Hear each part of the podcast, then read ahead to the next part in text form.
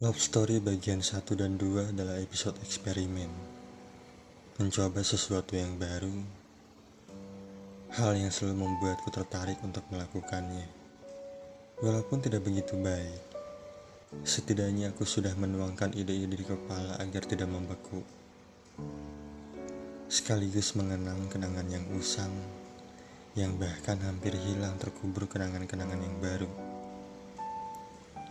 Aku mengenalnya jauh, jauh sebelum kau bisa mengabadikan foto terbaikmu dalam Instagram.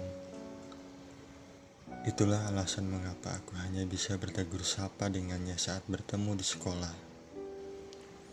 Dan mungkin itulah alasan kenapa dia pergi tanpa meninggalkan kabar. Karena dia terlalu sibuk untuk menuliskan surat perpisahan.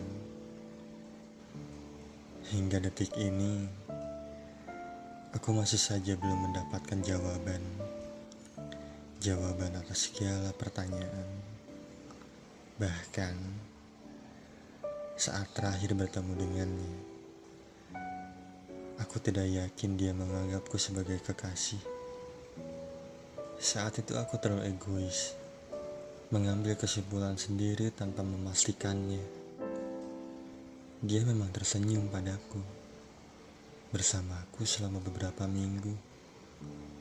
Tapi aku tidak pernah tahu apa yang dia rasakan. Dan aku tidak pernah menanyakannya. Beberapa tahun setelah itu, aku tak sengaja melihatnya di kota lain.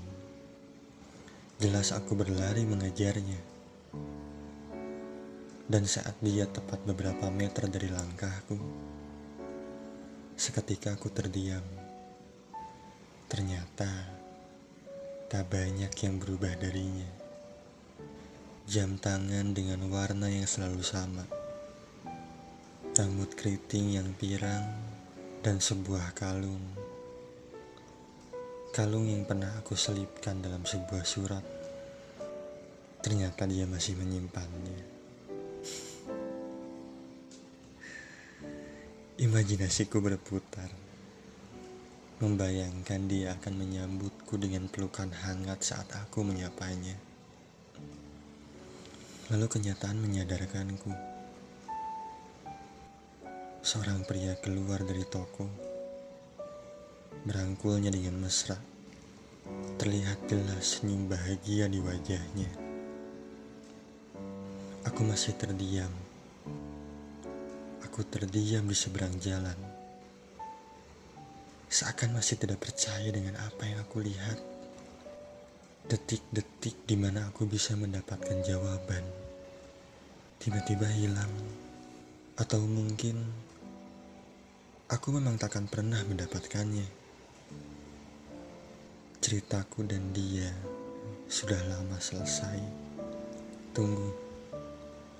Mungkin aku belum pernah memulainya. Aku kembali dipaksa melupakan.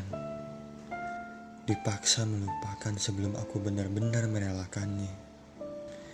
Bagian yang hampir saja bisa aku lakukan sebelum aku kembali melihatnya 10 menit yang lalu.